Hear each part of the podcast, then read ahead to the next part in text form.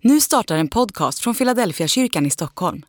Om du vill komma i kontakt med oss, skriv gärna ett mejl till hejfiladelfiakyrkan.se. Så bra, stort tack. När jag kom hit i, i förmiddags här så, så ty- kollade jag på ledarna och liksom ögonen går ju i kors för de har ju knappt sovit någonting. Men leendet är liksom från öra till öra för att det är, är sån glädje. Eh, och, ja, så glad för er. Tack för allt ni gör. Och tack att ni kommer hit också. Det är ju Vasaloppssöndag idag. För vissa är ju det liksom nästan som en högtid, men ni har kommit hit. Eh, min pappa brukade alltid börja varje Vasaloppssöndag med att först så tittar man på Vasaloppet hela vägen. Och sen så bara precis när man måste åka till gudstjänsten så gör man det. Och så kollar man resten när man kommer hem sen. Så vissa av er, tack att ni är här, tack att du följer via webben. Vissa av er följer ju det här, liksom, man vet, man kanske har någon släkting som eh, åker. Då kanske man har det i telefonen. Och jag har tänkt så här, om, om jag ser någon ta upp sin telefon och titta lite, då kommer jag inte ta illa upp. För då tänker jag att då följer ni säkert Vasaloppet, vem som, liksom, hur det går för någon. Jag har bestämt mig för att göra så. Hörrni, vi är inne i en serie nu i vår kyrka här som sträcker sig över sju eh, söndagar. Vi går igenom Jesu sju tecken i Johannesevangeliet. En långkörare, ungefär som Vasaloppet, det sträcker ju sig, det är ganska långt. Och idag så är vi på det tredje tecknet som jag har tänkt säga någonting om. Och en sak som kan vara viktig, idag så möter vi en annan helande berättelse. Förra veckan så talade jag om att Jesus helar en ämbetsmans son. Och idag så kommer vi tala om en man som får ett helande. Och det här med helande, det är ju någonting som vi läser om gång på gång i Bibeln. Men en viktig tanke tror jag, när vi vänder oss till Bibeln och när vi läser om de här tecknen, det är att det finns alltid fler bottnar, fler saker vi kan förstå som säger någonting om Jesus. Ett helande, det är häftigt, men det finns också så mycket mer när vi läser Bibeln. Därför är till exempel Philadelphia Bibel på onsdagar ett klockrent tillfälle att gräva ner, att få se lite mer vad som står i ordet. Så nu har jag tänkt säga någonting om den här helande berättelsen med förhoppningen av att kunna säga någonting till dig om vad den här texten säger om vem Jesus är. Och i det här fallet Jesu förhållande till den judiska högtiden sabbaten. Så här står det, om du har med dig din bibel så kan du gå till Johannes evangeliet. Annars så kommer du upp på skärmen här bakom. Johannes kapitel 5 och vers 1 till 18. Det är ganska många verser, men häng med här. Sedan inföll en av judarnas högtider och Jesus gick upp till Jerusalem. Och vid fårdammen i Jerusalem så fanns det ett bad med det hebreiska namnet Betesda. Det har fem pelargångar och i dem låg en mängd sjuka, blinda, lama och lytta. Och där fanns en man som hade varit sjuk i 38 år. Då Jesus såg honom ligga där och fick veta att han varit sjuk så länge frågade han honom, vill du bli frisk?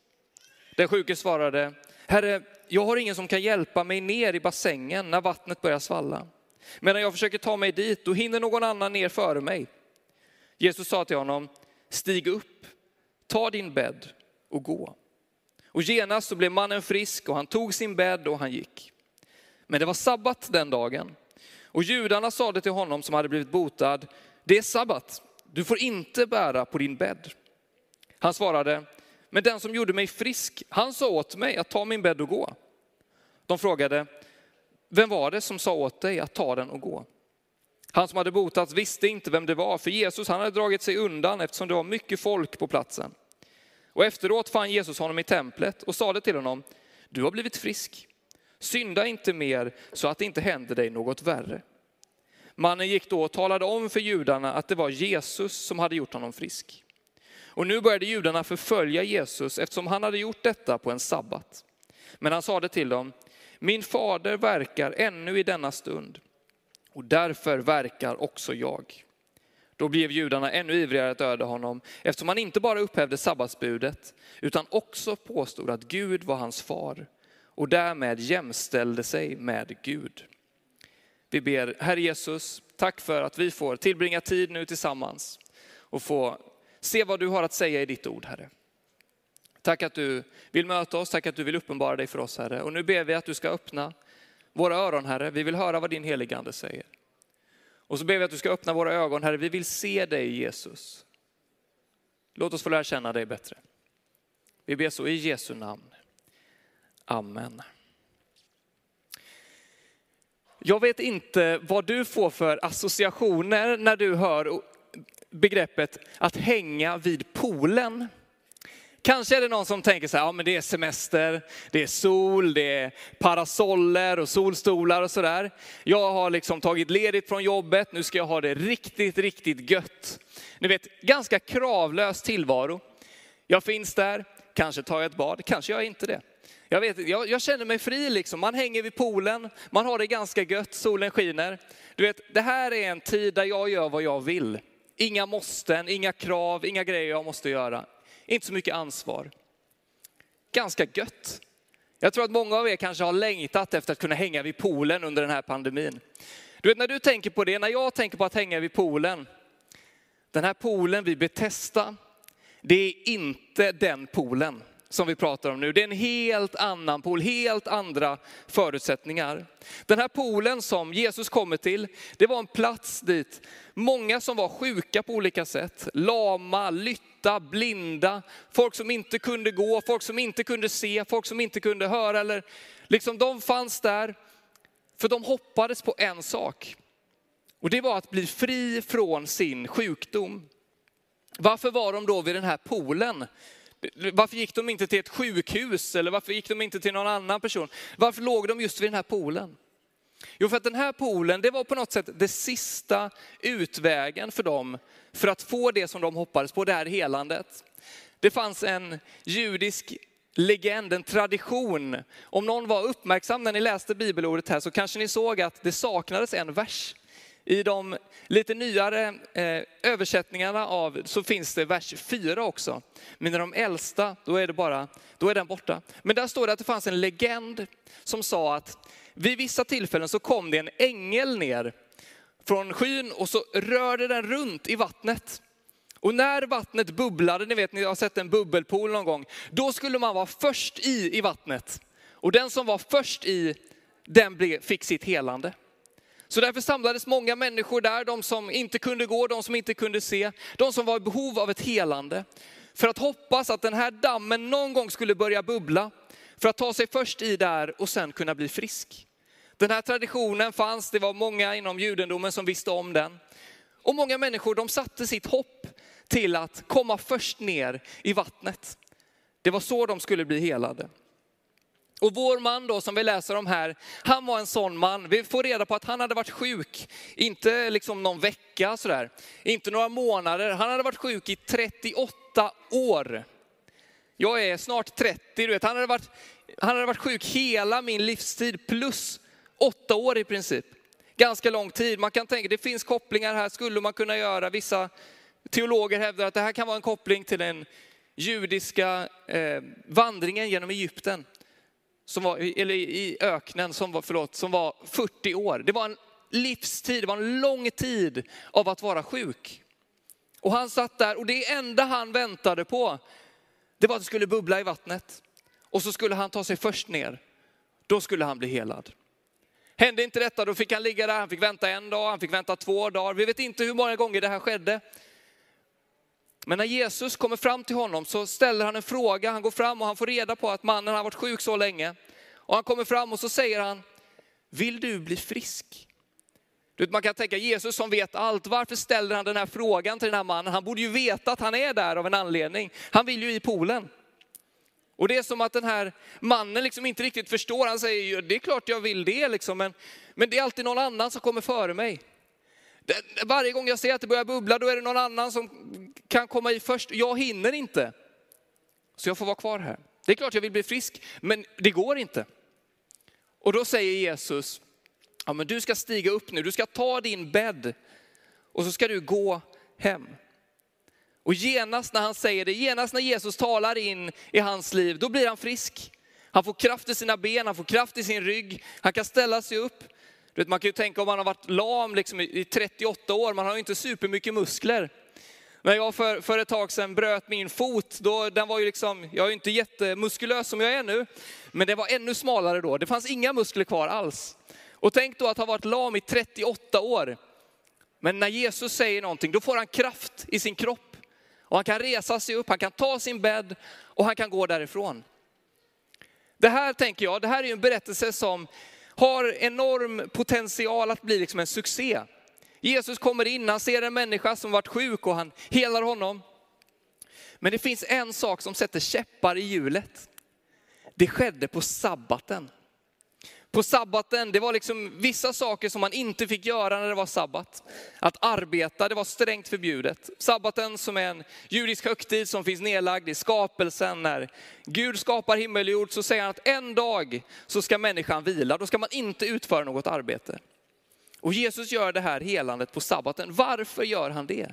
Jag tänker att han är medveten, han, vet, han vill säga någonting om vem han är i förhållande till sabbaten. Så Jesus kommer fram, han helar, mannen går iväg och sen så kommer de här judarna som vi ska tänka är den judiska eliten, de som hade koll på den judiska lagen. De går fram till honom, de har inte sett att han har blivit helad. De ser bara att här kommer en man som går runt med sin bädd. Och han går runt här och det fick man inte göra. Jag kan ju tänka på ganska många saker som är värre, tyngre grejer än att gå runt och bära på sin säng. Men det var inte tillåtet, man fick inte göra det. Varför fick man inte gå och bära på sin säng på sabbaten? Jo, den här sabbaten den var ju viktig, man skulle ju hålla den helig. På den skulle man inte utföra något arbete. Och judarna då, de var ju tvungna att bestämma, vad räknas då som arbete? Är det arbete att, att göra det som man normalt sett gör varje dag? Om man var snickare, att gå till jobbet och snickra? Ja, det är arbete, det får man inte göra. Är det, är det liksom, om, tänk, men tänk om man säljer någonting, det, nej, det får man inte göra. Om man sysslar med boskap, får man syssla med det? Nej, det får man inte göra. Och det gick så långt så att man sa, om du tar upp din säng, tar den under armen och så går du ut på en promenad med den. Det är arbete, det får man inte göra. Och de, de har ju inte sett helandet, de missar det som Gud gör i situationen. Och så ser de regeln, man får inte bära på sin bädd. Och så säger de till mannen, så där får du inte göra. De här reglerna, det var, det var judarnas sätt att, att sätta upp regler för att man inte skulle bryta sabbatsbudet. Och för att inte göra det, då satte man runt extra regler som ett staket runt sabbatsbudet. För att man inte skulle komma nära, för att man inte skulle bryta det. Och bädden, det var ett sånt staketbud skulle man kunna säga. För att man inte skulle vara ens i närheten av att råka jobba. Så bädden, det fick man inte göra. Och Jesus han säger någonting, han visar någonting tydligt när han helar på sabbaten. Folket de frågar ju, vem var det som, vem var det som sa åt dig att du, du skulle ta din bädd och gå? Ja, det vet ju inte mannen, men han säger, det var någon snubbe, han helade mig. Eh, men han försvann sen. Och sen så går tiden lite och så kommer Jesus fram till honom i templet igen och säger, du har ju blivit frisk nu. Synda inte mer, gör inget mer fel. Försök att leva ditt liv som en efterföljare till mig. Och sen så, så säger han ju då sen till judarna, men det var ju han, det var han Jesus. Det var han som helade mig. Och då blir ju fariseerna galna. De tänker, den här snubben, han måste vi ta ett snack med. Och då säger Jesus några ord. Han säger så här, min fader verkar ännu, därför verkar också jag. Jesus säger någonting om hans relation till sabbaten är att om människan sätter upp en massa regler, vad gör de? Ja, men de gör ju bara att människor faller. Sabbaten var tanken att ge vila, frid. Men de här reglerna de gav bara osäkerhet och en tanke av att jag gör rätt nu. Hoppas jag inte faller dit. Tänk om någonting händer med mig och så blir det tokigt. Alla de här mänskliga reglerna jämfört med människan, där är Jesus glasklar med vad hans prioriteringar är. För några år sedan så jobbade jag på Liseberg. Jag hade tre somrar och en jul där jag körde attraktioner på Liseberg. Mitt huvudfokus det var Flumride, den enligt mig bästa attraktionen på Liseberg. Eh, och där var jag och jag svabbade båtar och jag fick i folk i där. Liksom. Och det, var, ja, det var roligt, det var tre, eh, tre roliga somrar. På Liseberg fanns det många regler, många saker man skulle tänka på. Hur ska man agera när man möter någon? Vad får man inte göra? För att det var säkerhet och så vidare. Men det fanns en sak, en regel som trumfade alla andra regler. Det var en, när det var rast, det var liksom som ett logistiskt pärlband skulle man säga, kunna säga. Om jag var på en attraktion här, då kanske jag skulle byta, och gå till en annan och sen så skulle den personen gå till en annan och sen den tredje personen, den fick gå på rast. Därför var det viktigt att inte komma sent. För tänk om någon liksom kom sent från rasten, då skulle den transportera sig till nästa plats, till nästa plats. Och då fick den här personen kanske rast mycket senare. Det där blev en intern grej, man skulle liksom respektera tiderna. Annars blir det konstigt, annars blir det sura miner. Men det fanns en sak som gällde, om det var ett barn som hade tappat bort sin förälder, Tänk er ett barn som inte har ett förälder, den kanske har ett telefonnummer på armen, ni vet som man ibland gör som förälder. Men den vet inte vad, vad föräldern är. Då fanns det en grej, det skulle alltid gå före. Då skulle man alltid ställa sig på knä så här, i ögonhöjd med barnet. Och så skulle man säga, hej jag heter Anton, jag jobbar här på Liseberg. Nu ska du och jag gå till kaninlandet. Och så gick man dit, ni vet, fantastiskt. Och så gick man till kaninlandet, det här landet för barn. Och så skulle, kunde man ringa till, sin, eh, till föräldern och att den kunde komma. Glasklart, om, oavsett vad liksom, det hände på attraktionen, oavsett om någon skulle gå på rast. Om du hittade ett barn som inte hade en förälder, då skulle du släppa allting, se barnet i ögonen och ta det. Varför då? Jo, för att människan är alltid viktigare än regler och olika verksamheter, att få ihop allting logistiskt. Om en människa finns i fokus, då ska du välja den människan. När Jesus gör ett under på sabbaten, då signalerar det, det ger en tydlig signal. Vad är det för signal? Jo, människan är alltid viktigare än regler som människan har satt upp. Jesus kommer alltid för att nå människan. Människan är alltid prio för Jesus. Därför kan vi alltid komma till honom och känna, även om det någon gång har blivit tokigt, även om man någon gång har brutit mot någon regel, då kan vi veta, jag får komma till Jesus. Han kommer att ta emot mig. För han, är alltid, han fokuserar alltid på människan. Det är viktigt. Alltså det säger någonting om Jesus. Jesus väljer att bryta de här buden som finns runt sabbaten. Han är sabbatens herre. Han är inte, sabbaten står inte över Jesus, Jesus står över sabbaten. Men han säger tydligt, människan är mitt fokus. Människan är mycket viktigare än regler och verksamheter som människan har satt upp. Jag tror att ni är med på den tanken. En annan sak jag skulle vilja säga det är att mannen, hans längtan, det var ju att komma ner i den här poolen. Det var det han kämpade för, han var redo. Och när det skulle börja bubbla, då skulle han i där. Men den mannen han möter när Jesus kommer fram till honom, det är det levande vattnet. Han får möta en människa som kan ge renhet, som kan ge frid, som kan ge liv till en människa. Han satte sitt hopp till en pool, men han fick möta den som kan ge det levande vattnet. Alltså om du ska lära känna Gud, vad ska du göra då? Ja, du ska titta på Jesus. Jesus visar dig vem Gud är. Ingen människa har någonsin sett Gud. Men vi kan läsa och vi kan uppleva, vi kan lära känna Jesus Kristus. Han visar vem Gud är. Han är Gud, han är det levande vattnet. Så om du vill lära känna honom, gå till Jesus. Johannes 5 och 19, precis efter våran text står det så här.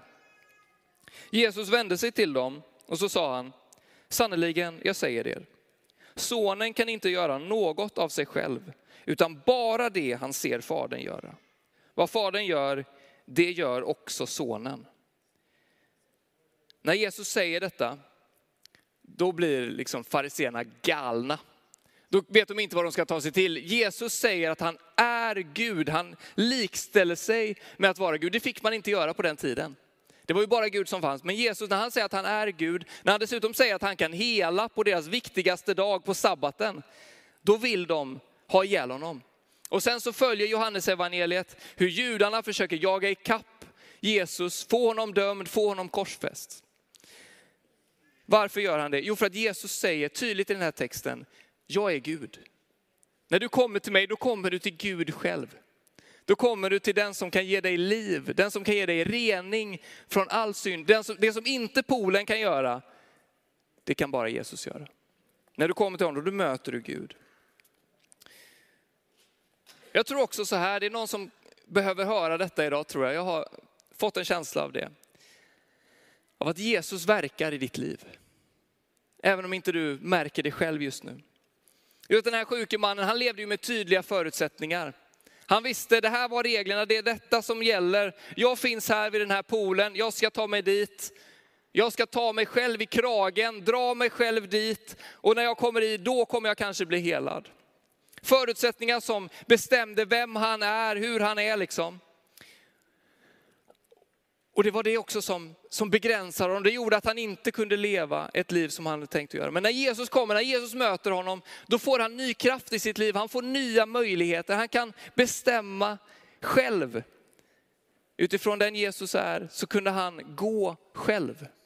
Men du vet, någon av er kanske finns här och upplever att förutsättningarna i ditt liv, du känner dig begränsad. Det enda du har det är den där poolen, det är det du har satsat all din kraft på, all dina pengar på. Allt det du har, det har du lagt för att kunna nå någonting. Jag vet inte vad det kan vara. Kanske är det någonting som någon har sagt dig, någon som har gjort mot dig. När Jesus säger, min fader verkar ännu, därför verkar också jag. Jesus verkar i ditt liv. Även om inte du märker det, även om inte du har sett det. Jag tror verkligen att det är så. Någon tror jag behöver höra det. Du har gått länge med förutsättningar som har känt att det här, detta som är mitt liv på något sätt. I mötet med Jesus, då kan du få kraft i din kropp. Du kan stiga upp, du får bemyndigande. Du får liv tillbaka. Kanske är det att någon behöver höra det. Du vet, han är inte klar i ditt liv. Han kommer fortsätta verka. Och Jesus han har också initiativet i detta. Så här står det i Romarbrevet 5 och 8. Men Gud bevisar sin kärlek till oss genom att Kristus dog för oss medan vi ännu var syndare. Han bevisar kärleken till oss genom att han går till korset, han dör för oss. Inte för att vi hade liksom gjort oss förtjänta av det. Medan vi fortfarande var syndare, när allting inte var perfekt i vårt liv. Då dog Jesus för oss. Han behöver inte ha någonting i gengäld, han behöver inte att vi presterar för honom, han dör för oss. Det är han som har initiativet. Precis på samma sätt som han möter den här mannen. Mannen gick ju inte fram till, Jesus. Han satt ju bara där. Men när, han, när Jesus kommer fram till honom, ställer frågan, vill du bli frisk? Det är då det händer. Jesus har initiativet. Det här undret det sker i i poolen, i badet som kallas Betesta. Betesta är ett, ett ord som betyder nådens hus, barmhärtighetens hus. när jag läser om den här, det här badet så inser jag att det är ju allting annat än nådens hus där. Det är allting annat än barmhärtighetens hus. Det här huset, det, det innebar att jag skulle själv ta mig i kragen, jag skulle själv ta mig till poolen. Det är jag som äger på något sätt, jag måste göra det själv. Och när jag kommer dit, då har jag gjort mig förtjänt av helandet. Men när Jesus går in där, när Jesus möter den här mannen, då visar han vad riktig nåd är. Vad riktig barmhärtighet är. Det är ingenting vi förtjänar, det är ingenting vi själva tar oss i kragen och tar, utan det är någonting som vi tar emot. Det är någonting som Jesus gör i vårt liv, inte som vi gör själva.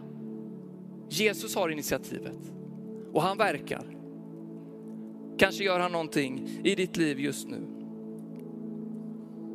Jag tror verkligen att det är så.